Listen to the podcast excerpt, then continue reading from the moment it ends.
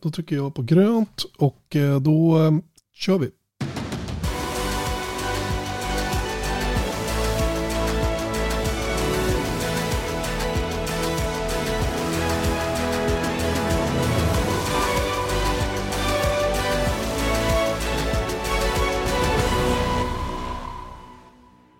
Det är racevecka.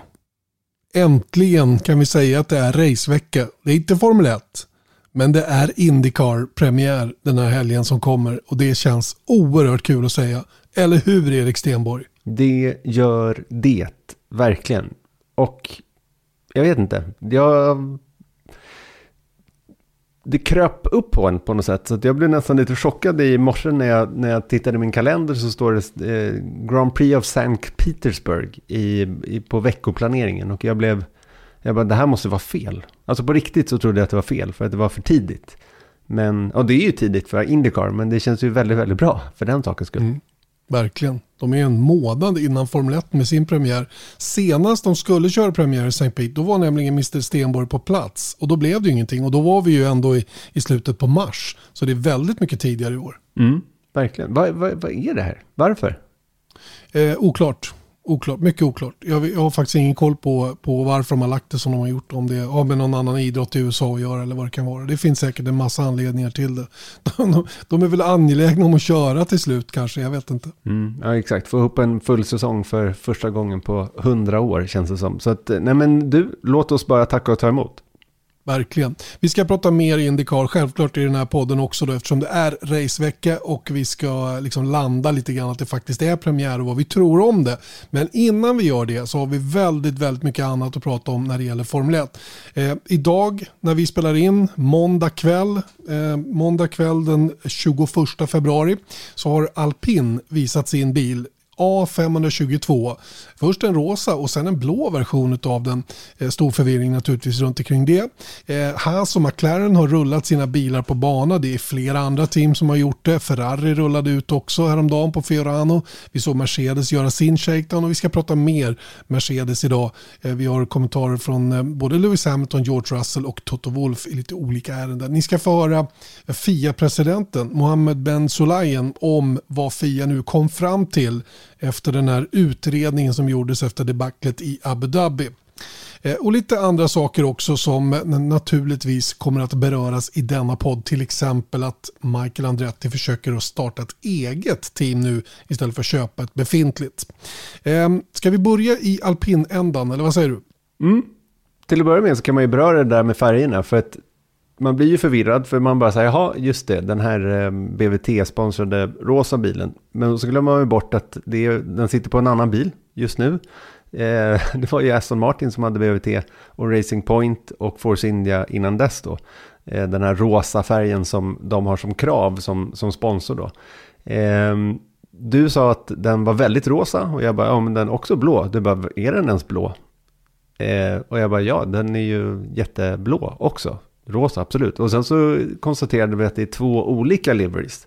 Och svaret på den är ju att de kommer köra den här mycket rosa liveryn i de första två racen, alltså i Bahrain och Saudiarabien. Och sen därefter kommer de kliva tillbaka på BVT-utseendet eh, lite grann. BVT är den här vattensponsorn eh, som ja, är rosa helt enkelt. Och det är, även i DTM så har de ju haft eh, helt rosa bilar. Och vad de än sponsrar inom motorsport så har de ju mycket rosa. Just det, de kör ju ett liknande koncept som Red Bull gör med sin, sin sponsring eller marknadsföring. Och den gemensamma nämnaren i det här fallet är ju faktiskt Ottmar Staffenauer. Det är ju han som har varit där BVT har funnits tidigare. Och nu är han alltså i alpin som ny teamchef, team principal och BVT sitter som sponsor på bilen. Så det är väl, eh, det är väl eh, ingen, ingen inget långskott att tro att de här två sakerna hänger ihop då med att han dels fick jobbet som teamchef hos Alpin eh, i och med att han dessutom då kunde eh, ta med en, en rätt stor slant med pengar då i form av sponsor. Han är helt enkelt en pay team principle. Mm, det kan man väl säga. Nej, men jag tror att det, det där är lite farligt. För jag undrar att eh, lite, jag menar, ryktena runt att Ottmar Safnauer skulle gå till Alpin har ju varit många och långa. Eh, det har sträckt sig långt in ja, tidigare år att han skulle ta det här steget. Men det har alltid kraftigt förnekats. Och det får mig att tro i alla fall att eh, det har med sponsorn att göra på något vis.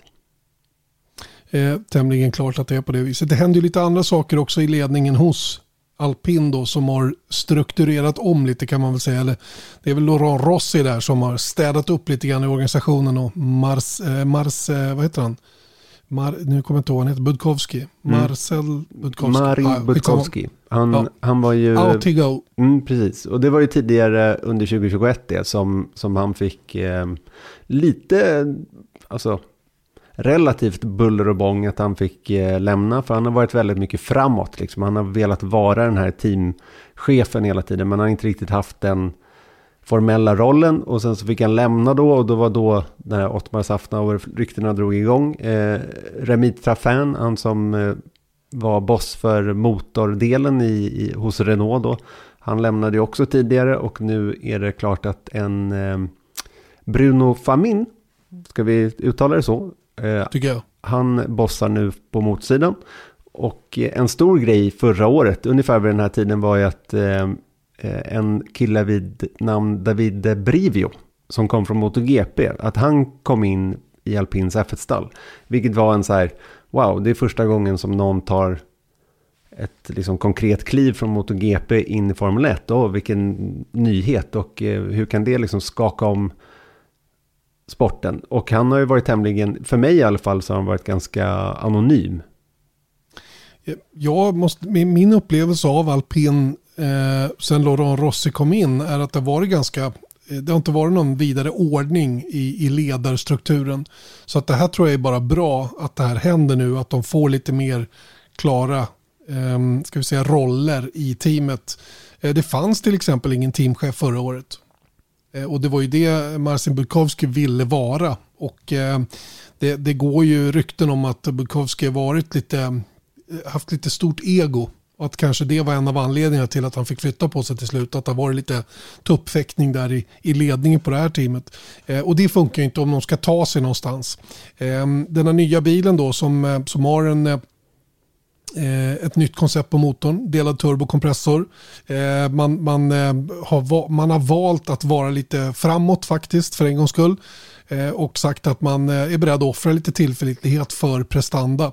Och det ska bli kul att se vad den här nya motorn eh, faktiskt ger för det är ju den som blir homologerad nu. Det blir en homologering till senare i år i september tror jag som är sista gången då innan det sen sen fryses ihop helt och hållet och det är det man har kvar att köra då resten av det här motorreglementet fram till slutet på 2025. Så att det här blir ju spännande att följa. Bilen som sådan som vi såg idag, ja, den, den, eh, jag, jag kan inte kommentera bilarna, det går inte. Jag, jag kan inte, jag har inte den kunskapen. Jag kan inte säga att ja, de har gjort en sidepod. Det enda jag har sett som jag tycker är intressant är att det är just sidepod-delen på bilarna som, som är det intressanta området just nu. Det är där de jobbar väldigt mycket och har lite olika filosofi kan man konstatera. Eller vad säger du? Mm. Ja, men det är väl där friheten finns i reglementet helt enkelt. Hur man genererar downforcen från de här Venturi-tunnlarna helt enkelt. Och då spelar luftintagen och sidepodsen och golvet under till då eh, det är det som man kan labba med. I övrigt så är det inte så mycket. Nej, och sen, sen verkar det vara också att man, man, man tittar lite grann på hur man kan skapa lite eh, olika tryck då med, med förlängningen så att säga på, eh, på motorkåpan. Vi tittar på lite olika lösningar för kylningen av bilen. Om du tittar på nya alpinbilen så har ju den också gälar som vi har sett på många av de andra. Eh, andra har inte det. Eh, jag tycker Mercedesbilen ser otroligt slimmad och fin ut.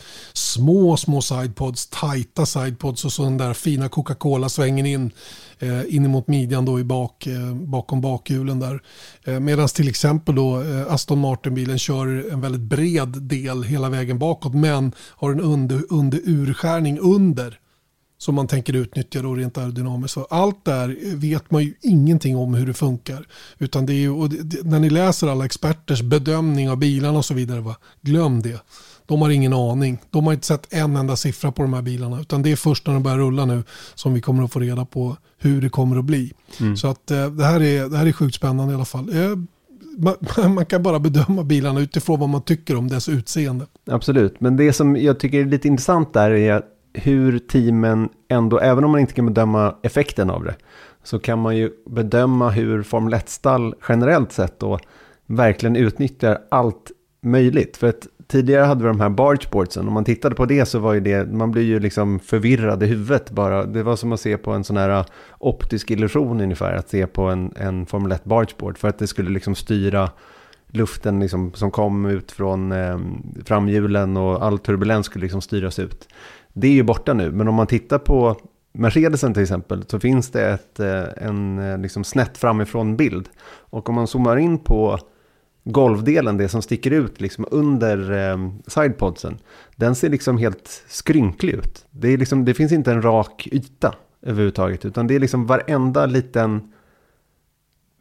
Alltså, den aerodynamiska formen är 100% liksom utnyttjad där. Så att det liksom, den ser ut som att någon har liksom knycklat upp ett papper och sen så har de liksom format i någon eh, autoklav någonstans. Men det är ju såklart uttänkt. Men det, det säger mig ganska mycket om hur de jobbar nu.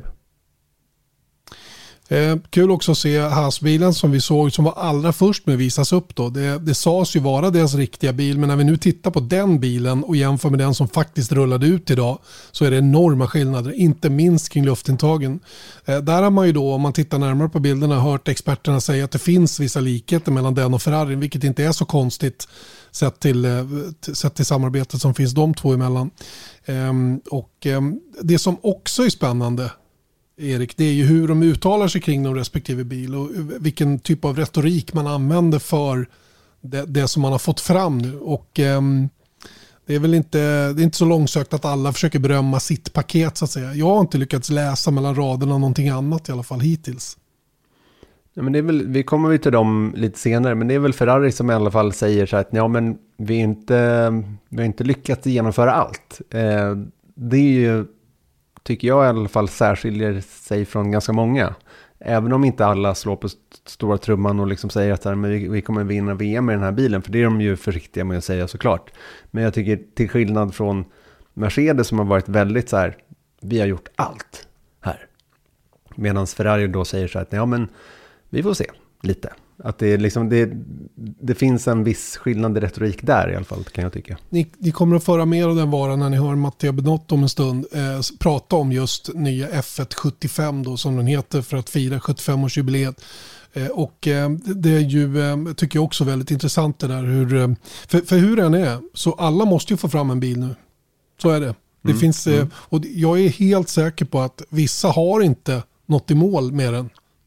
Utan de har tvingats eh, trycka ihop det, paketera till det som man har för att ha någonting som rullar ut i Barcelona. Medan andra kanske har gått i mål med åtminstone sin första version. Eh, och, det där är lite spännande faktiskt då, med, med, ehm, med hur man då uttrycker sig runt omkring det där. Men som sagt, vi kan prata mer om det om ett tag när vi, när vi har lyssnat till Mattia Benotto, bland annat om, om deras nya bil. Jag tycker, det är, eh, jag tycker vi ska landa i snarare i eh, i eh, det här, eh, det här uttalandet som kom ifrån FIA-presidenten Mohammed bin, eh, bin Sulayem som, som lite småtaffligt måste jag säga ställde sig och läste det här uttalandet då, istället för att de lämnade ut en pressrelease. Jag vet inte vad, vad poängen var med det. Vad tror du? Jag kan gissa nu, nu är det verkligen bara från, från höften, men jag tror att, eh, att Mohammed Ben Solayem är fortsatt förhållandevis eh, anonym. Det är inte så många som känner till honom. Eh, till skillnad från Jean Tott, han var, kom in med liksom väldigt mycket kändisskap, i varje fall i vår lilla skrå av världen, motorsporten. Eh, Medan eh, Ben Solayem är ju inte det. Eh, det var första gången egentligen som jag hörde hans namn var när han presenterades som FIA-president, vilket var så här, oj, jag berättade ju det för några poddar sedan att den här personen känner jag inte till. Så att jag kan gissa att han försöker eh, synas helt enkelt. Bara för att få lite mer igenkänning. Nu ska han dessutom få höras i Viaplay F1 Podcast. Så här sa han. Ladies, gentlemen. During the F1 Commission meeting in London, I presented part of my plan for a new step forward in Formula One refereeing, drawing conclusions from the detailed analysis of the events of the last F1 Abu Dhabi Grand Prix and from the 2021 season. I proposed an in-depth reform of the organization of refereeing and race direction. It was unanimously supported by the F1 CEO and team's principals. Here is my plan for these structural changes. Firstly, to assist the race director in the decision making process, a virtual race control room will be created. Like the video assistant referee, VAR, in football, it will be positioned in one of the FIA offices as a backup outside the circuit. In real time connection with the FIA F1 race director, it will help to apply the sporting regulations using the most modern technological tools. Secondly, direct radio communications during the race currently broadcast live by all TVs will be removed in order to protect the race director from any pressure and allow him to take decisions peacefully. It will be still possible to ask questions to the race director according to a well-defined and non-intrusive process. Thirdly, unlapping procedures behind safety car will be reassessed by the F1 Sporting Advisory Committee and presented to the next F1 Commission prior to the start of the season. And finally, I would like to inform you that a new race management team will be put in place starting in Barcelona for the test session. Niels Wittek and Eduardo Fritas will act alternatively as race director, assisted by Herbie Blasch as permanent senior advisor. Michael Massey, who accomplished a very challenging job for three years as Formula One race director following Charlie Whiting, will be offered a new position within the FIA. I presented this complete plan to the members of the World Motorsport Council and the Senate, who gave their full support. With this plan, FIA opens the way for a new step forward for Formula One refereeing. Without the referees, there is no sport. Respect and support of the referees is in the essence of the FIA. 100% karisma rent röstmässigt, eller? Lite som Kimi Räikkönen när han läser liksom, eh, reklammeddelanden. Ja, men det var lite det jag menade innan. Att det, det kändes lite så här, ja, nu ska jag läsa här eh, på, inför klassen och det känns lite jobbigt. Typ så. Det var många klipp där. De hade klippt upp eh, eh hela grejen också. Jag vet inte. Det, mm, det, samtidigt så, så um, så uppskattar jag på något sätt också att få höra det snarare än att läsa det. Det är lättare att ta in det då. Mm, absolut. Och det som, vi ska komma in på de här huvudpunkterna. Eh, det är värt att ta upp igen och diskutera lite närmare. Men det, vi var ju ganska rätt på det sett i förra veckan när vi pratade om att det vi kommer få reda på inom några dagar vid den tiden då var ju sannolikt inte några fynd från Abu Dhabi utan snarare så här, det här är vägen framåt. Och det är precis det han har gjort. De har inte sagt någonting egentligen om, eh, om vad som hände i Abu Dhabi. Utan det här är mer så här, ja men det här ska vi lösa framöver så att det inte händer igen. Men vad de hittade, eller vad de eventuellt har hittat. Eh, Normally being a little extra can be a bit much. But when it comes to healthcare, it pays to be extra. And United Healthcare makes it easy with Health Protector Guard fixed indemnity insurance plans. Underwritten by Golden Rule Insurance Company, they supplement your primary plan, helping you manage out of pocket costs without the usual requirements and restrictions like deductibles and enrollment periods. So when it comes to covering your medical bills, you can feel good about being a little extra. Visit uh1.com to find the Health Protector Guard plan for you. Under det Abu Dhabi-racet som, som blev så kontroversiellt, det säger de ju ingenting om. Och innan vi kommer in på punkterna så skulle jag vilja säga några saker om det. För det här, är, det här tror jag är 100% för att skydda sig själva. Eh, Michael Masi, tävlingsledaren som många spottat på, eh, får ju ingen egentlig support från FIA. Men, men eh, han hängs inte ut sådär supertydligt heller, men han blev hängande på något sätt. Eh, och Fia tar inget som helst ansvar för det som hände överhuvudtaget. Det enda de gör nu det är att de framställer sig som den fantastiska organisation som faktiskt nu ska reda ut det här. Nu ska vi fixa det här problemet. Och det här kan jag tycka är, eh, det är inte så bra. Jag tycker det är lite skämmigt av dem att inte ta på sig det här. För det är ju deras regler. Inte personen, Michael Masi, som har ställt till det med den, att det blev som det blev och måste nu göra justeringar i sin egen organisation och i sporting regulations för hur man sköter saker och ting. Och jag tycker inte att det här är, är riktigt schysst eh, på det viset och jag vill fortfarande ha timelinen för vad som skedde, vilka påtryckningar utsatte Michael Masi för eh, för att ta det beslutet han gjorde. Jag kan nämligen, jag tror nämligen eh, 100% att Michael Masi förstod själv också att det här var kanske inte 100% korrekt rent sportsligt. Så varför gjorde han det? Ni fattar ju själva, han är ingen idiot Michael Masi. Han vet precis vad han gör. Och det här var ingen fix. Det var inte någonting mot Lewis Hamilton.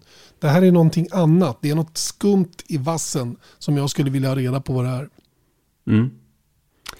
Vi får vänta på det helt enkelt. Du och Lewis Hamilton vill bland andra eh, ha de här svaren. Men huvudpunkterna då, att det är ju, apropå Michael Masi då, att det är eh, Eduardo Freitas som var eh, race director för senast i alla fall World Endurance Championship. Ehm, det var faktiskt lite eh, lustigt för att vi har ju våran WhatsApp-grupp här med eh, Björn och Rickard och eh, med flera.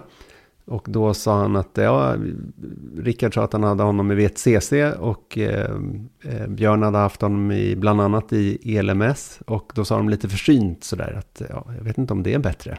Eh, sådär. och eh, det säger väl någonting om, om det hela också, att, att den här personen är ju en galjonsfigur i mångt och mycket. Och det är klart att det är en jätteviktig roll och det har med personen att göra, men som sagt, det är ingen det är inga übermenschens och det är ju det som är grejen med Masi också. Att, jag säger inte att, för det vet vi inte, eh, att, att han gjorde allting rätt. Men jag tror att situationen som var i Abu Dhabi blev väldigt konstig och jag har svårt att se att någon hade liksom... Återigen, det är inte en person det handlar om. Verkligen inte. Och eh, jag, jag tycker det är märkligt att det är så många som ännu inte fattar det. Att det är så. Att det, att det är mycket, mycket större operation. Och att det är därför som, som FIA hela tiden drar på ansvarsfrågan här. Och istället gör sig själva till sport. Ja men de gör sig själva till sportens räddare. Vad är det för, vad är det för fake? Det gillar vi inte. Så att, eh, det, där får de, det där får de fixa till. Ja, mer runt punkterna då. Ja, men eh, utöver Eduardo Freitas, eh, som vi inte vet om han blir bättre, så har vi en till då. De kommer alternera eh, Race Directionen. Eh, och det är DTM, eh, forne DTM Race Directorn som heter Nils Vitic. Eh, han har inte så mycket mer än så eh, i min kunskapsbank runt. Men vidare då så pratar eh, Ben Sulayem om ett virtuellt race control, lite likt VAR i fotboll som varit så bespottat. Eh, inte vet jag varför, men det som jag får lite frågetecken runt i huvudet när jag hör ett virtuellt race control, har de inte det? Har jag tänkt precis vad min tanke var också när jag hörde det där. Men jag ser det mer som att de tillförs ännu mer resurser. Det är det det, är det, det här betyder. Eh, och inte nödvändigtvis på plats på banan utan någonstans i en lugn miljö där de kan vara ett support till, till den som då är tävlingsledare vid det här tillfället. Och det är väl jättebra. Med resurser, det behöver man ju alltid för att klara sitt jobb bättre. Så att det tycker jag är en, en, en otroligt, um, otroligt bra, uh, en bra idé att, att uh, göra det på det viset. Mm. Jag har varit inne i en sån där race, eh, både race control och i domarrummet. Och då, det man kan lägga till där, det här var ju inte nyss, utan det var ju 2018 kanske. Eh, och då satt de ju redan då liksom med, de har alla kameravinklar, de har all data från, från bilarna som de kan plocka upp i real time. Så att jag menar, det finns, de har haft verktygen, men det är väl så som du säger då, att det är mer resurser helt enkelt. Och det, det är inte så att Michael Masi eller Charlie Whiting innan honom satt med liksom regelboken och bläddrade fort som fan liksom när det hände någonting. Utan det här var ju ett helt team som enda syftet är att tolka regelboken och sen skicka det vidare till domarna med en, en, en, en bas, liksom att göra en beslutsgrund helt enkelt till dem. Mm. Mm. Eh, så att det är det jag menar med att det kanske inte är någonting helt nytt, det här VAR-systemet eller virtuella kontrollrummet, utan det är mer, eh, ännu mera så, helt enkelt. Ja, ja men det är, det är precis som vi sa, det tillförs mer resurser av liknande art. Eh, ännu mera möjlighet, fler människor som tittar på de här skärmarna och kan hjälpa till helt enkelt. Det är väl en alldeles utmärkt idé. Mm. Vidare då, ingen tv-sänd kommunikation med Race Directorn, alltså det som vi såg under slutet av fjolåret när eh, Toto Wolf, eh, Jonathan Wheatley, Christian Horner, vem det nu kan tänkas vara, ropar då till, till FIA och Michael Mansi, vilket var något av en chock första gången vi såg det. Det var typ i Brasilien eller någonting sånt som det kom upp för första gången och eh, det var ju väldigt underhållande men man förstod ju ganska snart att det här var i och med att man inte får hela flödet, utan det är ju nuggets utklippta av tv-produktionen, så, så förstod man ju samtidigt att det här kan bli lite eh, knöggligt sett till eh, den allmänna uppfattningen om vad, hur det här går till. Eh, mm. Man kommer då kunna kommunicera med Race Directen, men på ett strukturerat vis helt enkelt. Och det tycker mm. jag är en rimlig lösning. Visst är det det. Visst är det, det. Eh, ska vi ta och eh, en av huvudpersonerna i det här då var ju naturligtvis Mercedes och inte minst då Toto Wolf som eh, i samband med visningen av deras nya bil naturligtvis fick frågan om det här och då eh, är man ju nyfiken på hur han ser på de åtgärder som Fia nu eh, har kommit med. I believe that the, the right steps have been taken and um, I'm optimistic about the about the about the changes that have been implemented. Certainly, the role of a race director is uh, not easy, and now with having two very experienced um, guys up there, that is good. But um, the support structure that has been built around them is essential, not only in the race director's room, but also with a remote control room uh, where the race directors can rely on, on, on feedback and inputs uh, to make the decision making process easier for them. I, I believe that the last few years, or the last couple of years, we have seen a little bit of freestyle in the interpretation of the regulations. So yes, I'm, I'm happy with the, the what has been implemented by the, by the, by the incoming president. Us dropping the appeal linked to any anyone leaving the the FIA is uh, is not true. I don't know where that comes. I think that the restructuring within within the how decisions are being made in Formula One, sporting decisions have been made and also technical decisions um, was necessary. Last year was a great season, but it created a lot of um, polarization with decisions that were not always easy to understand. Nej, de var ju inte det. De besluten som togs, tycker i alla fall Toto Wolf. Men om vi lyssnar på de här så, eh, så han är ju helt klar över att nu går vi vidare.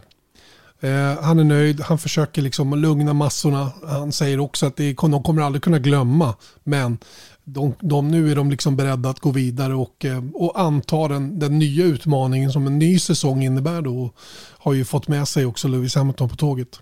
Nej, men jag tycker man, man hör väl på hans eh, röst att han fortfarande tar det här väldigt allvarligt, det som händer. Jag tror inte att de kan rent liksom, luckmässigt eller känslomässigt släppa det som händer. För jag tror att fortfarande att Mercedes känner sig förfördelade av det hela. Men, men samtidigt kan de inte älta det hur länge som helst. Och det tycker jag ändå att han är ganska tydlig med, att nu går vi vidare. Så är det. Och eh, en annan av huvudpersonerna är ju förstås då Lewis Hamilton som, som efter allt som hände då i samband med säsongsfinalen i Abu Dhabi var Eh, bara försvann. Och det var kanske inte så konstigt att han gjorde det. Han försvann helt och hållet då från det publika rummet ska vi väl säga. Eh, det kom ingenting på sociala medier under en väldigt lång period. Eh, och den här perioden blev ju så lång då så att det började gå rykten om att han eventuellt övervägde att avsluta sin karriär. Eh, och eh, då är ju naturligtvis den självklara frågan hur var det egentligen med den saken? I've considered retiring so many times. I'm kidding. No, I really, honestly, I haven't. Um, of course, I, I think at the end of, um, at the end of seasons, you think, and the question is whether you're willing to commit the time and the effort that it takes to be a world champion. I think a lot of people underestimate what it takes to be a, a world champion. And there are so many moving parts. It's not just turning up and driving the car. So yeah, the question is, do you want to sacrifice the time? Do you want to? Do you believe that you can continue to punch at the weight that you're punching? Um, and so that's a normal kind of mental process for me. But of course, this one was compounded by uh, a significant um, factor, and I think ultimately, I love a sport that I've loved my whole life. Um, there was a there was a moment where I kind of yeah, I've obviously lost a little bit of faith within the system, and but I was. I'm generally a very determined person, and I th- I th- like to think to myself like, um, whilst moments like this might defy others' careers, I refuse to let this define mine, and so I'm focused on being the best I can be and coming back stronger. Något som Lewis Hamilton och Mercedes varit väldigt tydliga med är att man vill att FIA verkligen ska hållas ansvariga för det som hände i Abu Dhabi och att detta inte händer igen. Eh, häromdagen så kom ju också ett uttalande från den nya FIA-presidenten Mohammed Ben Sulayem där han i stora drag redogjorde för vilka förändringar man skulle göra. Något som Lewis Hamilton så här långt är nöjd med men är samtidigt noga med att påpeka att det inte bara får bli tomma ord. Um, it's good to see that the FIA are taking steps to make improvements. I think accountability is key, and we have to use this mo this moment to make sure that this never happens to anybody else in in the sport ever again. And so, um, yeah, we we need to even everything that's been said by the FAA yesterday. I, we welcome that, but we have to make sure that we keep a close eye and make sure that the, that that we actually are seeing those changes and rules are applied fairly and uh, accurately. Till den här säsongen så får Lewis Hamilton också en ny teamkamrat i George Russell. En förare som många tror kommer att kunna utmana Hamilton men det är ingen ny bekantskap då George Russell funnits i organisationen länge. George, I've naturally I, I, I don't remember meeting him when I was because uh, I got a bit bad memory, but I don't remember. Obviously, we see that picture of him when he was a kid when I was at McLaren, um, and of course, he's had a, an amazing run uh, getting to Formula One, and he was already a part of our team. So I've I've seen him around our um, engineering. I've seen him over time through simulator times, and then obviously him being in Williams. So he he fits in and and fits the position like a glove, um, and. I, so far, it's it's great, and honestly, I think I've learned a lot um, over the years of how to engage with uh, your teammate, how you work as a team in helping the team achieve the ultimate goal. That's you know one of the reasons we have more world titles than any other team, and um, so I'm excited to, to, to engage with him, to collaborate with him. Hopefully, our driving styles aren't too dissimilar.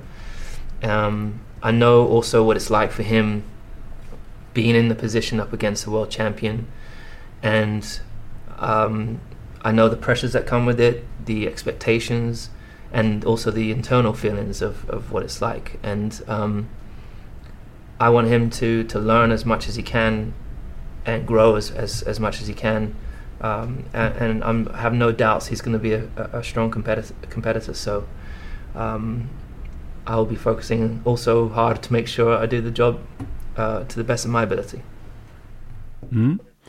Han är ju väldigt eh, vältalig, speciellt där i slutet mot George Russell. Jag tycker att det är, så här, det är klanderfritt nästan, hur man presenterar en ny eh, teamkompis.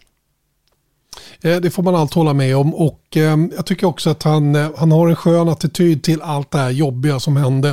Eh, även i Lewis Hamiltons fall så är han beredd nu, han vill inte titta bakåt, han vill titta framåt. Han fick eh, på, i den där ehm, mediaträffen så fick han även frågan om han hade tittat på racet igen.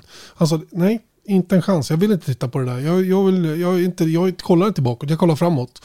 Och eh, jag tycker han har en sund syn på det hela och eh, han trycker på de viktiga sakerna. Att det här inte ska hända igen. Det är absolut viktigast. Han tog smällen eh, och det kostade. Det kostade jättemycket men han är beredd att köra vidare och han eh, påpekar då väldigt nogsamt att det här inte får hända igen.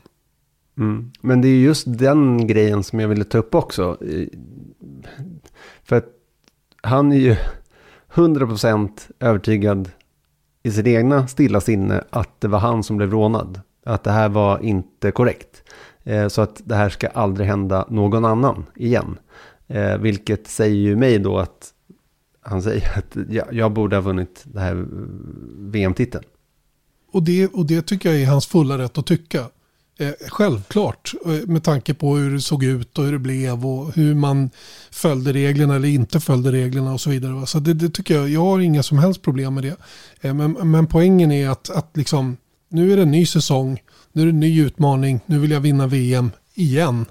Och eh, vi får se hur det går. Liksom. Och, och jag tycker det, han, han, den, här, den här pausen han tog tror jag har varit oerhört nyttig för honom att, att ha för att komma tillbaka och vara på det här sättet. Och jag vet flera som, som var med på den här pressträffen som sa att han var i hög form verkligen.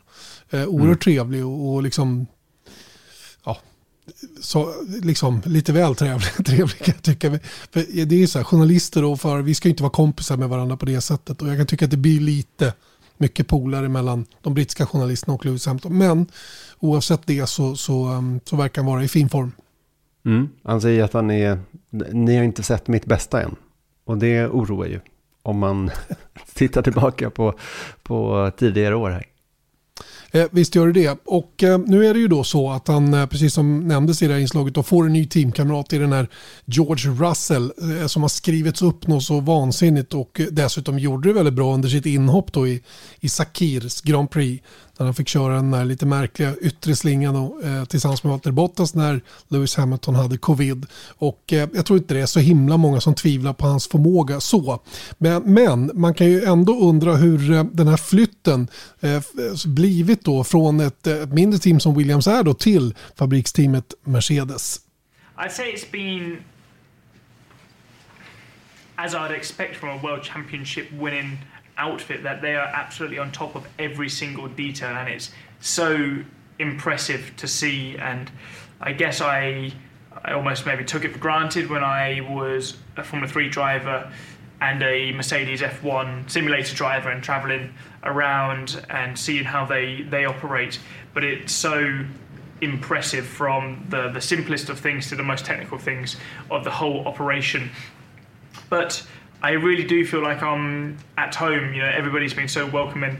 I know the team so well, so I already feel comfortable with them. I think they feel comfortable with me, and as I said before, we can just get get to business. And I think that's that's been best for all. And um, it doesn't even feel like a transition period. It just feels like I am with a team who I've been with over the these past past years, and um, it was only recently I realised that I've actually driven a Mercedes F1 car every single year since 2017.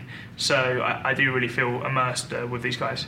Att hamna i Mercedes betyder nästan per automatik att du ska vara med och slåss om VM-titeln. Men eh, detta är ingenting som George Russell ännu funderat på i alla fall. It's something I've not even thought about to be honest. Um, because my main goal is to make sure that I have the, the team and the car around me for uh, and developing the car in a you know in the correct direction to give us the best opportunity over the course of the next two, three, four years because we've seen the development rate. We hear uh, rumours from all the other teams of how, how much they're developing, and you've got to remember that Formula One uh, developed this this rule set with the idea that they were going to be around four seconds slower and we're already hearing from every single team that they're far, far faster than that. So you know, Lewis and I need to work together. We can't focus too much on each other uh, because things are constantly changing, and and that's where we need to take a step back.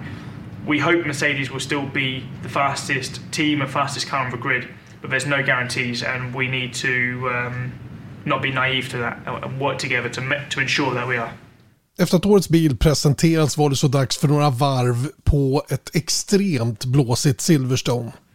Well, firstly, I think you know this morning it gave me goosebumps when the the car was fired up for the first time. You know, we've you've I've driven it so often, so many laps in the simulator. I've seen so many drawings of it. I've had so many meetings about it, but there's nothing like going to a racetrack. Uh, it almost brings me back to my roots. You know, a cold, wet, windy day at Silverstone. Um, but here with you know Mercedes Formula One team, I think the facts are if you take the exact same car when there's no wind and then you put it in, I think it's 100 kilometer hour winds today, it's going to feel very difficult to drive. Um, you know, it, it certainly wasn't easy out there with the conditions, but it was very much in line with what we we saw at the simulator. And um, you know, we going back correlating this afternoon, and um, but it's going to be a constant learning process. I think we're all going to take today with a pinch of salt and just get through the program, make sure the car runs okay, make sure the drivers are comfortable, um, and make sure we're in the best spot possible ahead of Barcelona. Hur kommer då samarbetet med sjufaldige världsmästaren Lewis Hamilton att se ut och bli? Uh, Lewis and I have a, a huge amount of respect for each other. I think um, I think it has also helped that I was in the engineering meetings five years ago, sat you know at the back, uh, listening and learning, and that that working relationship is was already there, and I and I guessed. Uh, I guess we always knew over time that this was a, a, a big possibility that we could be teammates. So we, have always had a good relationship in terms of how um, he will help develop me. I think just being open with one another.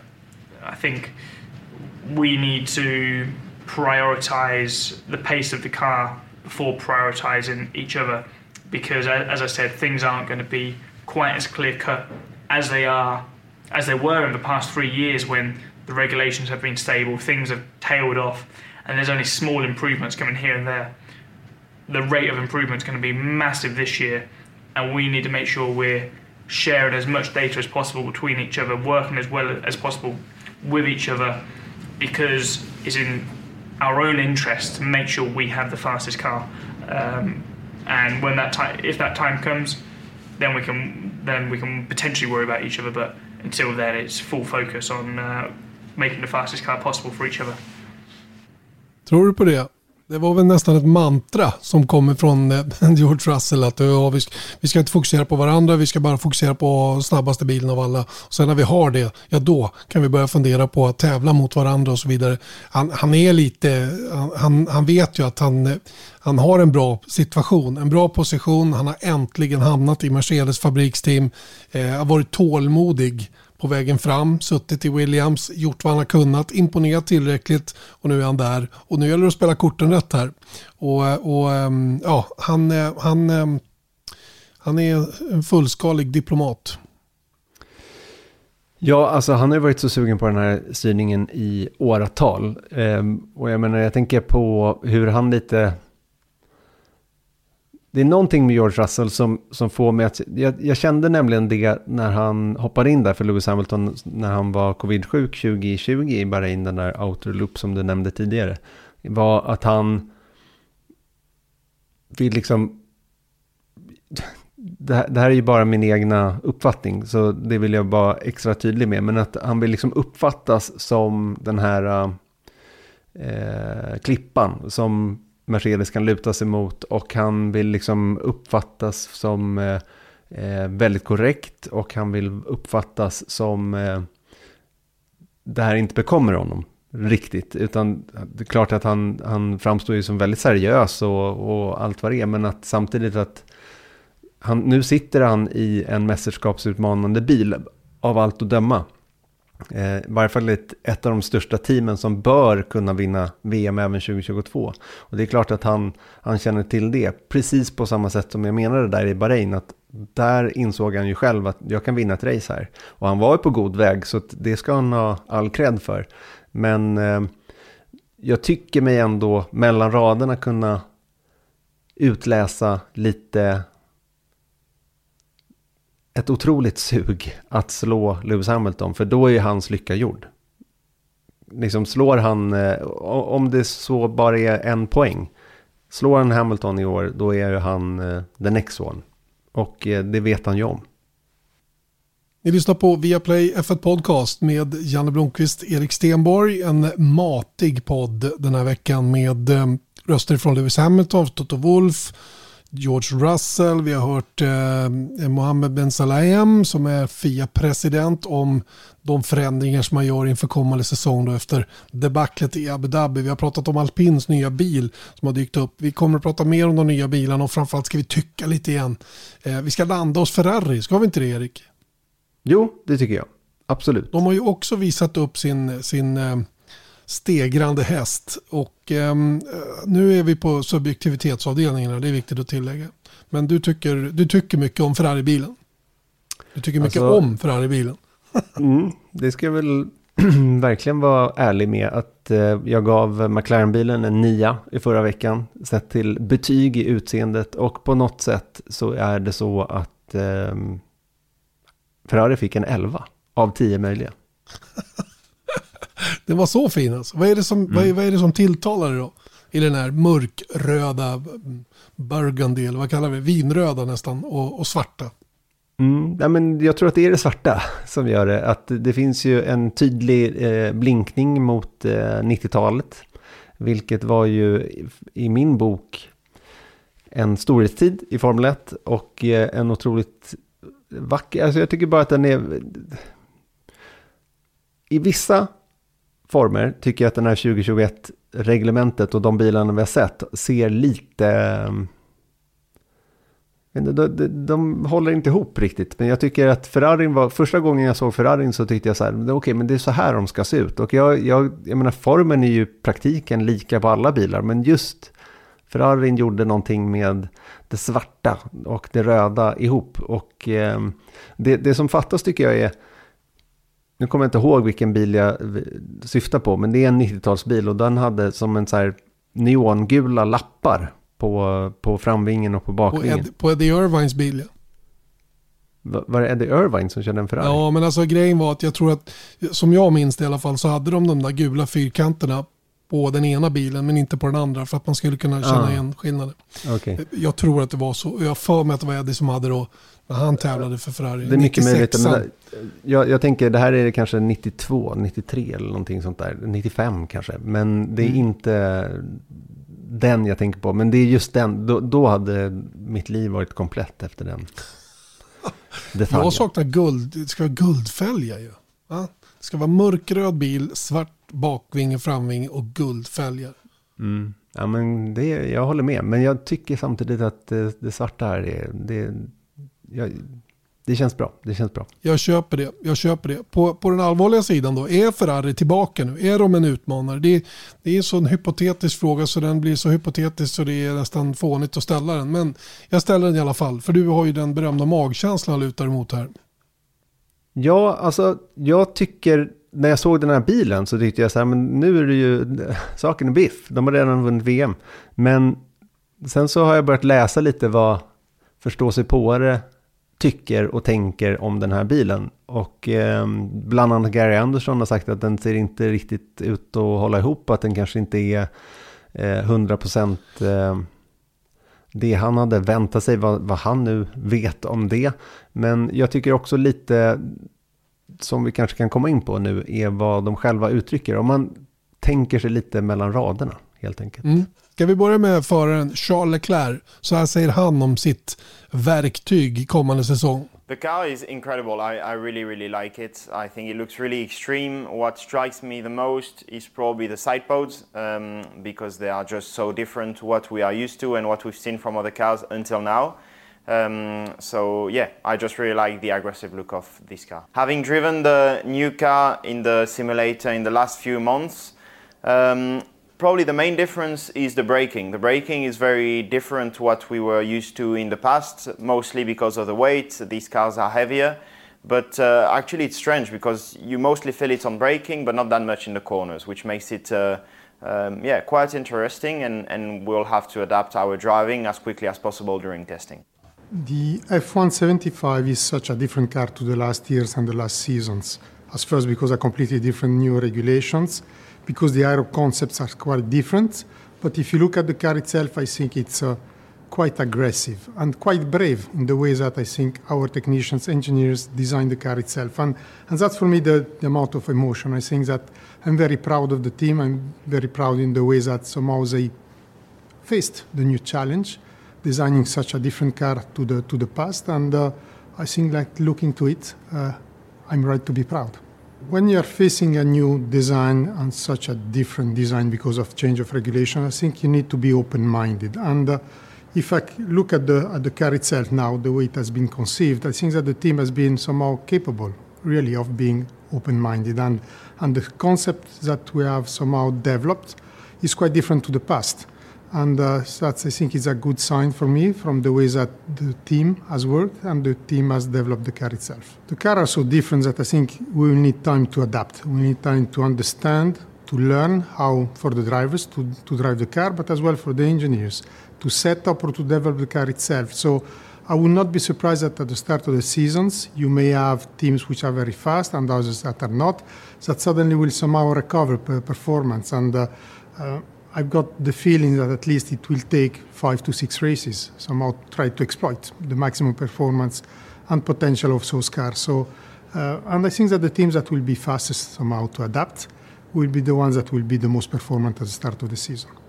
Mm, Mattia Benotto här på slutet då som eh, pratar om några viktiga saker tycker jag eh, och som är lite spännande att höra att han, eh, han förväntar sig att det kommer att vara ganska stora, det kan vara rätt stora differenser i början här och att det tar ett antal racehelger innan man har förstått sig på sin, sin, sitt koncept eh, setupmässigt eh, och att det finns kanske mycket begravt i bilen som man inte hittar initialt. Och det är ju spännande om det kan vara på det viset att vi kan få en 2012-säsong när vi hade sju, sju, olika vinnare de sju första racen och ja, det såg väldigt ovisst ut varje tävlingshelg i stort sett. Mm. Ja, men det, det vore ju en dröm faktiskt, men inte att någon blir avhängd för det är ju avigsidan av en sån situation är ju att någon har hittat rätt. Och det är inte Braun Grand Prix som hade lite problem med att hålla tempot i uppdateringskriget då 2009 så att de till slut sackar efter då. Ehm, jag menar, är det en Ferrari eller är det en Red Bull eller en Mercedes som har hittat den där, äh, hittat rätt direkt, då har man ju svårt att se att de skulle tappa det efter halva säsongen för att någon annan hittar någonting äh, starkt eh, där då. Eh, men ah, det, egentligen, det är så jäkla svårt alltså. Man får ju frågor om det hela tiden och man tänker själv att så här, ja, men det här, jag tror på de här. Och jag menar, min känsla som jag haft under lång tid nu med Ferrari är att de ska liksom på något sätt haft lite lugn och ro med tanke på fjolårssäsongen. Där de inte varit inblandade i en VM-fight, det ska någon, på något sätt tala för dem. Men i, i, till syvende och sist så är det ju ingen som vet, alla famlar ju blindo här. Jag menar, så fort man kommer i Bahrain eller Saudiarabien, då kommer man ju se så här, men den, den där bilen är ju stark. Det där konceptet är det man ska gå efter. Jag tänker på det här low rake, high rake eh, frågorna som har varit de tidigare säsongerna nu. är att så här, ja, men vi måste hitta vår egen väg. Men till slut så kommer ju facit komma. Det är den här vägen vi måste gå för att hänga med. Och då kan det ju redan vara slut den här säsongen. Och det, det finns ju faktiskt en sån farhåga totalt sett över den här säsongen. Är att det finns ju risk i alla fall att det här inte är den mest klassiska säsongen vi är på väg in i. På grund av ovissheten. Så är det ju. Självklart kan det vara på det viset. Jag tycker också det är spännande att höra Charles Leclerc säga att den stora skillnaden är inte i kurvorna, vilket jag trodde, och framförallt i de långsamma kurvorna, utan det är under inbromsning bilen är annorlunda. Eh, jag förstår inte riktigt hur han menar då runt omkring det. Det får man väl utveckla när de har kört mer på banan. Han har ju bara kört den några varv i vätan på Fiorano medan de har filmat lite grann. Det är ju den enda körningen han har gjort av riktigt slag. I övrigt så är det ju eh, simulatorkörning då och det är han ju inte ensam om naturligtvis. Men jag tycker ändå det var lite spännande att, att det var så han upplevde skillnaden till att börja med i alla fall. Så att, eh, Eh, det, det, ska bli, det ska bli kul att höra eh, förarna efter de här tre dagarna i Barcelona nu till att börja med som, som startar då den 23 februari, det vill säga Eh, vad är det då? Måndag 21, tisdag. Det är onsdag, torsdag, fredag som man kör i Barcelona. Och de som rullar ut i Barcelona nu de här dagarna innan de använder alltså de här filmdagarna. För det har jag fått lite frågor om. Två gånger 100 kilometer har alla team på, eh, under en säsong på demonstrationsdäck för att eh, göra promotionmaterial kort och gott. Eh, så att det är därför de kan köra och göra en shakedown på Silverstone då, som Aston Martin, Mercedes gjorde. Ferrari, eh, även Alfa Romeo rullade ju sin bil på Fiorano. Eh, och vi har även Red Bull har väl också kört va? Jag eh, tror mm. jag lite grann på, på Silverstone och så vidare. Va? Så att alla vill ju testa systemen då innan man kommer till Barcelona. Det är ju inte där man vill upptäcka om det är någonting som är galet utan det vill man upptäcka innan. Samtidigt då som man gör två flugor på smällen och eh, filmar lite grann för promotion-syfte. Göra två flugor på smällen, det var, det var ett nytt eh, sätt att använda den gamla dängan. Just det. Just det. Eh, vidare i programmet. Eh, vi har pratat Ferrari. Eh, vi tror en del på Ferrari. Det kommer vi göra. Det kommer bli roligt att se vad de, vad de kan göra. Men nu ska vi flytta över Atlanten eh, och inte lämna Formel 1. Eh, vi ska landa i det faktum att eh, Mario Andretti för några dagar mm. sedan fick för sig att nu skulle han breaka the big news. Att sonen Michael Andretti det här Andretti Global Eh, hade samlat ihop pappersarbetet och skickat in en ansökan om att starta nytt team. Eh, och det skulle han då göra eh, eh till säsongen 2024. Och eh, det är naturligtvis eh, på ett sätt en glad nyhet att någon tycker att det är värt att starta ett nytt team. Å andra sidan så blir man ju lite sådär, ja men hur funkar det här nu då? Han försökte köpa Sauber utan att lyckas men vill tydligen inte ge sig. Eh, utan han vill försöka ta sig in i Formel 1. Och det, vissa tar emot det här med stor glädje och tycker att det här är toppen. Andra blir skeptiska. Jag vet inte på vilken, vilken sida du står. Nej men det är såklart positivt att om man tittar på vad Formel 1 eh, vilja är. Det är ju såklart att expandera och verkligen etablera sig i USA. Det är klart att ett Andretti-stall skulle göra med tanke på att de är liksom, det är som Pettersson-familjen skulle göra i Sverige. Eh, och jag menar, det är ett legendariskt namn. Och om de kommer in i Formel 1 så skulle det vara positivt. Men det som är så intressant i det här är att Formel 1 verkar inte jättesugna på det. Och trots det här namnet. Och det är ju nog, om man får gissa lite, så är det ju att de kanske inte är 100% övertygade över Andrettis kapacitet att driva det här stallet. För att det de absolut inte vill vara med om igen var ju att det kommer in tre nya stall som det gjorde 2010 med, eh, med eh, ja, då heter de ju Lotus och det var lite sväng om med Lotus där. HRT och, um, och eh, Virgin. Virgin. Mm. Ja. Och alla tre team var ju borta efter tre, fyra år. Och det vill de ju inte vara med om igen. Att man ser att, eh, att eh, med, med all det här momentumet som, som Formel 1 har byggt upp. Att det är liksom, man ser ett stall då falla som furor under tiden. Då det gör ju ingen glad i Formel 1. Så att det är väl antagligen någonstans där det fallerar. Ja, och det är ju så här att de, det kostar ju 200, vad sa vi, 200 miljoner. Miljoner euro. Vilken sjuk siffra. Men mm. två miljarder pratar mm. vi alltså. Som man måste put up front för mm. att få komma med. Jag vet, jag kommer inte ihåg vad den här, och det ska då delas lika på de tio stall som finns i Formel 1 som någon slags kompensation på att de kommer att få mindre pengar framöver då i, i, i, i återbäring då ifrån mästerskapet. Eh, de här 200 miljonerna kan Fia släppa på om, det är en, om, om man tycker att det är en tillräckligt viktig spelare på väg in. Och här är ju ett frågetecken. Är Andretti Autosport eller Andretti Global en så stor spelare att de här 200 miljonerna euro eh, inte att man inte använder det så att säga då för, eh, vad ska vi kalla det, en, en seriositetsprislapp. Eh, att man är tillräckligt seriös och, vill, och, verkligen vill vara med så ska man då lägga upp två miljarder utan att få någonting. Det är alltså två miljarder för att köra i F1. Eh, det är ju den ena delen. Eh, Och sen undrar jag, jag tror nämligen att Formel 1-mästerskapet som det är idag och att det är sunt och hållbart och att teamen ökar i värde, till, drar till sig sponsorer är viktigare för Liberty än ett specifikt amerikanskt team. Det vore ju naturligtvis jätte, jättekul med ytterligare team och i synnerhet ett från USA för Liberty som ägare av Formel 1-sporten. Men jag tror inte de ser det på det sättet riktigt. Det är viktigare för dem att det är lugnt i burken. Att de som redan finns där är nöjda och glada och att det liksom rullar på på ett bra sätt. Än att det kommer ett nytt team som man är osäkra på när det gäller hållbarhet, hur länge orkar de, vad har de för uthållighet, hur mycket pengar finns det egentligen?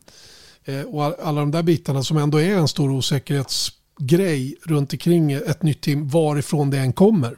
Mm. Ja, man ska inte glömma bort heller att de senaste åren har ju faktiskt Formel 1 som organisation och eh, gått in då och försökt se till då så att alla teamen överlever. Då tänker jag eh, kanske närmast på Williams. Eh, även om det är Doralton Capital som har gått in i Williams och, och köpt eh, det så är det ju fortfarande så att Formel 1 har varit högst inblandade i sådana där dealar. Och det är samma sak som eh, Bernie Eccleston har gjort för att försöka få sina stall att överleva.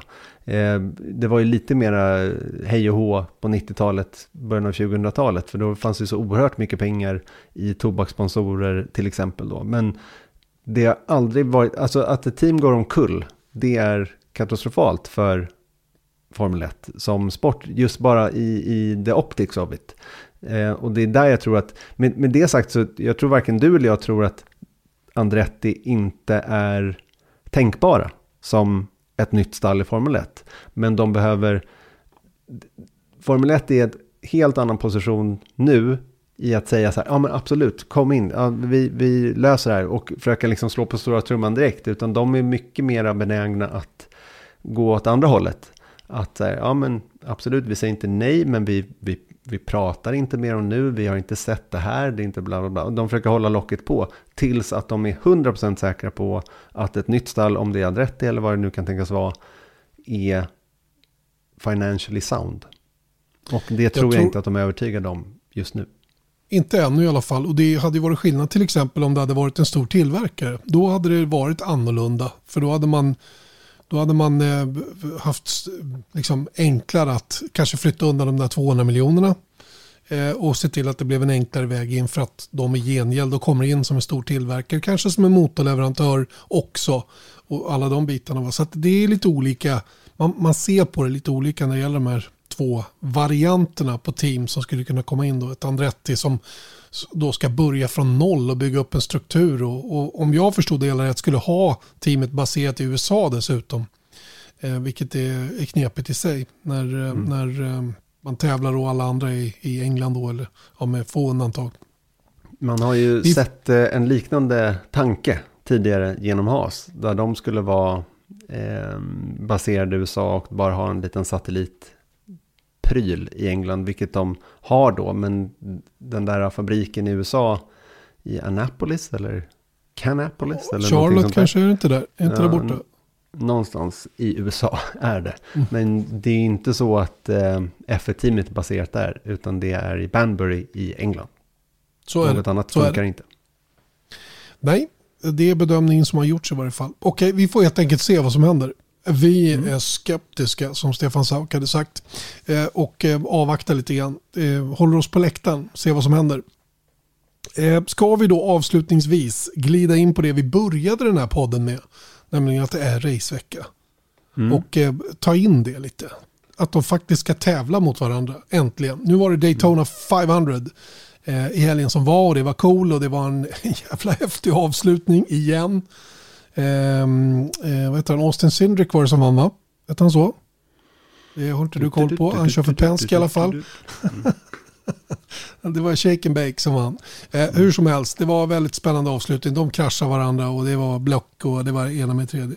På Daytona 500 alltså. Men, men för våran del då med vingar på bilarna och, och, där de sitter med bart huvud, nästintill i alla fall, så är det ju eh, starten här helgen med Indycar. Och det är ju eh, St. Petersburg i Florida som gäller. Du har varit där, berätta lite grann om St. Pete. Vad, vad är det för ställe, vad är det för typ, typ av bana? Det ligger ju till att börja med eh, lite söder om eh, Tampa. Eh, så man flyger till Tampa och sen så åker man väl en 20 minuter någonting till Sankt Petersburg. Eh, jag var faktiskt där första gången, var det 2019 tror jag. Eh, då var jag på semester med eh, min familj och då eh, kom jag dit typ en vecka innan racet skulle gå. Så då tänkte vi att ja, men vi stannar där och eh, äter lunch och så kan man titta lite på, på banan. Eh, men det fanns ingen bana. Det stod flygplan överallt på, på um, start och målrakan och det fanns lite murar, någon som stod och skruvade lite halvhjärtat liksom på, på någon betong, betongbarriär. Men det är ju lite så man insåg, för det var första gången man verkligen började följa Indycar lite mer från insidan. Eh, att eh, det är lite mindre apparat än att bygga upp Monacos Grand Prix där i St. Petersburg. Men det är en, det är en eh, mysig liten stad, eh, superhärligt att vara i. Det liksom går längs eh, kusten där, ut på en liten halvö skulle man kunna säga, och så vänder det runt och det är litet och eh, knöligt. Och eh, det är inte så att de målar om alla curbs för att allting ska se snyggt och prydligt ut som man gör inför Formel 1 dyker upp då.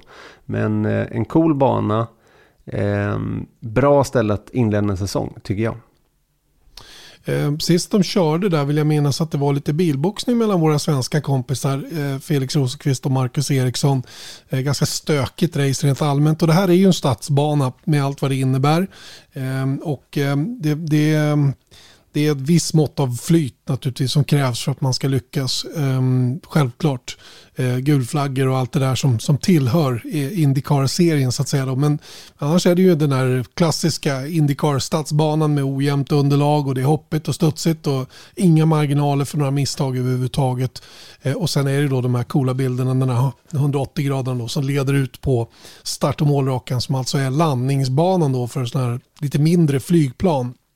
Mm. Och ehm, eh, vi kör ju både kval och race på söndag. Ehm, eh, förlåt, kval på lördag och race på söndag, precis som vanligt. Hela den här säsongen, samma som tidigare. Och eh, den frå stora frågan är ju vad, vad, vi kan, eh, vad vi kan ha för förväntningar på, på våra svenska förare. Eh, sett till de tester, den enda dag av testning som kördes, så eh, hade båda två rätt så bra dagar. Rosenqvist eh, körde mycket varv, nästan 150 varv. Eh, lite stökig förmiddag, en bra eftermiddag och hyggligt nöjd. Fanns en hel del grejer kvar fortfarande att eh, jobba med inför säsongen som han haft problem med sedan han kom till eh, eh sen han kom till eh, Aero McLaren och eh, eh, Chevrolet-motorn då, som inte är tillräckligt körbar enligt hans tycke. Då. Eh, Marcus Eriksson körde dagen efter och eh, var riktigt nöjd med, med vad han hade gjort. Eh, faktiskt snabbast under den här testen ända fram till slutet på dagen när Mayer Shank slängde på nya däck och eh, piskade på med två snabba tider då för Elio Castroneves och Simon Pagenaud som är de två förarna som kör där i år. Eh, Marcus som sa att har, han och Brad Goldberg, hans ingenjör, har jobbat hårt under vintern på eh, lite små detaljer. Eh, Marcus vill ju ha en stark bakände på bilen. Eh, det är inte lätt att få det på en Indycar-bil. Det är liksom konceptet ger inte det rent generellt. Men man kan ändå jobba åt det hållet och det har de tydligen gjort under vintern och Brad hade hittat lite grejer då som man trodde kunde funka för Marcus. Det var en hel del av de sakerna som också fungerade bra på den här testen. Så att eh, det finns väl ingen anledning att eh, inte hoppas på framskjutna placeringar. Dock så är ju ingen av dem favoriter tycker jag till titeln i år. Eh, där det favoritskapet får ligga på Colton Hurta tycker jag. Allt, allt prat inför premiären eh, renderar, eller går, går kokar ner i att Colton Hurta är sjukt snabb. Och eh, jag tycker det ska bli spännande också att se eh, Romain Grosjean som eh, verkar uppskatta flytten till Andretti Autosport. Verkligen, han var väl också stark med under testerna. Så att eh, han känns som att han har hittat eh, rätt direkt. Sen så tror jag kanske att en sånt teambyte inte heller är eh, ett recept för att lyckas på en gång. Eh, från vad man har hört i alla fall. Men jag tror fortfarande att han, han eh, kan blixtra till och eh, vara mycket mer tydligt i toppen än vad han varit eh, ja, i fjol. Då. Visst, och vi ska inte glömma att det här blir ju första året som Romain Grosjean kör full säsong. Han har ju inte tävlat på valer tidigare, vilket gör att hans chanser att vinna mästerskapet helt och hållet minskar en ganska stor del. Eh, jag tror eh, Joseph Newgarden i Penske eh, kommer att vara med där framme. Jag tror Colton Hurta kommer att vara med där framme. Scott Dixon går aldrig att räkna bort. Regerande mästaren Alex Palou. Varför inte Marcus Eriksson och Felix Rosenqvist också? De är lite outsiders i det snacket, i alla fall än så länge. Låt oss se lite grann vad de har att ge i början på säsongen innan vi innan vi lite mer tydligt ser något mönster. Men, men eh, på förhand i alla fall är det de här namnen som jag tycker är, är intressantast. Penski Penske som behöver verkligen göra någonting till i år. De eh, var inte alls på, på högsta nivå sett hur, hur, eh, hur kraven är från det teamet. Nej, och där skulle jag vilja lägga till Andretti också. De var ju inte, ja, okej, okay, fine. Colton Hurta, men, men ehm, Alexander Rossi till exempel som har ett väldigt fortsatt skulle jag väl ändå säga hög status i Indycar. Han behöver ju verkligen komma till rätta med saker och ting innan hans aktie är helt borta. Sen har vi några nykomlingar som kommer in också då. David Malukas och Kyle Kirkwood som kommer från Indy Lights. Vi har ytterligare en, Devlin DeFrancesco som kommer in i Andretti Autosport också. Så att det är några nykomlingar som, som dyker upp. Eh, och eh, vi har ju Callum Islet, givetvis, britten nu som kör full säsong. Christian Lundgård kör full säsong, dansken. Eh, båda de två kommer ju från Formel 2 och har ju eh, mycket att lära givetvis, men, eh, men tycker jag är intressanta starter i årets Indycar-mästerskap. Jag ser verkligen fram emot eh, Indycar 2022. Jag tror att det kan bli ett, eh, ett himla kul år. Eh, Indycar som dock eh, tycker jag har stagnerat lite grann när det gäller bilen. De behöver hitta på någonting med bilen och bilkonceptet. Nu vet jag att det är lite diskussioner om nytt, nytt chassi och så. Men man får inte köra bilarna för länge. Det blir för gammalt helt enkelt. Och den, den känslan vill man inte ha med sig. Även om det blir spännande och jämnt när alla kan allting utan och innan så tycker jag ändå att det måste finnas någon mer ut. Man måste hänga med i utvecklingen lite också. Mm, verkligen. Jag håller bara med Jan Blomqvist. Det är bra. Det betyder ju att jag har en god kompis. inte att jag har rätt. Nej, men jag vill också lägga till då i att eh, vi kör inte alls bara race och kval utan även eh, träningen där. Så att eh, klockan 15.00 så ska, om det inte blir ändringar, det kan det mycket väl bli i Indycar när man nu är så här se, liksom tidigt med att säga tiderna, en hel vecka innan. Eh, 15.00 på lördag ehm, drar träningen igång 45 minuter och sen så 18.30 på lördag är det kval och sen så 18.00 på söndag är det Arise. Så jag ska börja klockan tre redan på, på, på lördag alltså? Det är mycket korrekt, Janne Blomqvist. Men det är väl inte du ledsen för? Nej, tvärtom. Jag tycker det ska bli toppen. Jag och Rickard Göransson håller i tåtarna den här helgen när det gäller eh, Indycar-premiären. Alright, eh, vad säger du? Ska vi, ska vi nöja oss med det tycker du? Mm, om en liten stund tycker jag. För att vi vill också puffa för nästa vecka i F1 Pods väg. Vi kommer ju tillbaka nästa vecka men den spelas in på ett litet annorlunda ställe. Yes, vi åker till fjällen. Det, vet du att det finns ett band som heter Scaffoldpike? Det vet inte du för du är inte tillräckligt gammal för det. Och de sjöng en låt som heter Det är så hälsosamt och stärkande i fjällen. Mm. Kanske ska ha den som introlåt när vi gör en livepodd för första gången i Lindvallen. Vilken bra idé! Vi kommer alltså finnas på plats på Bodegan i Lindvallen.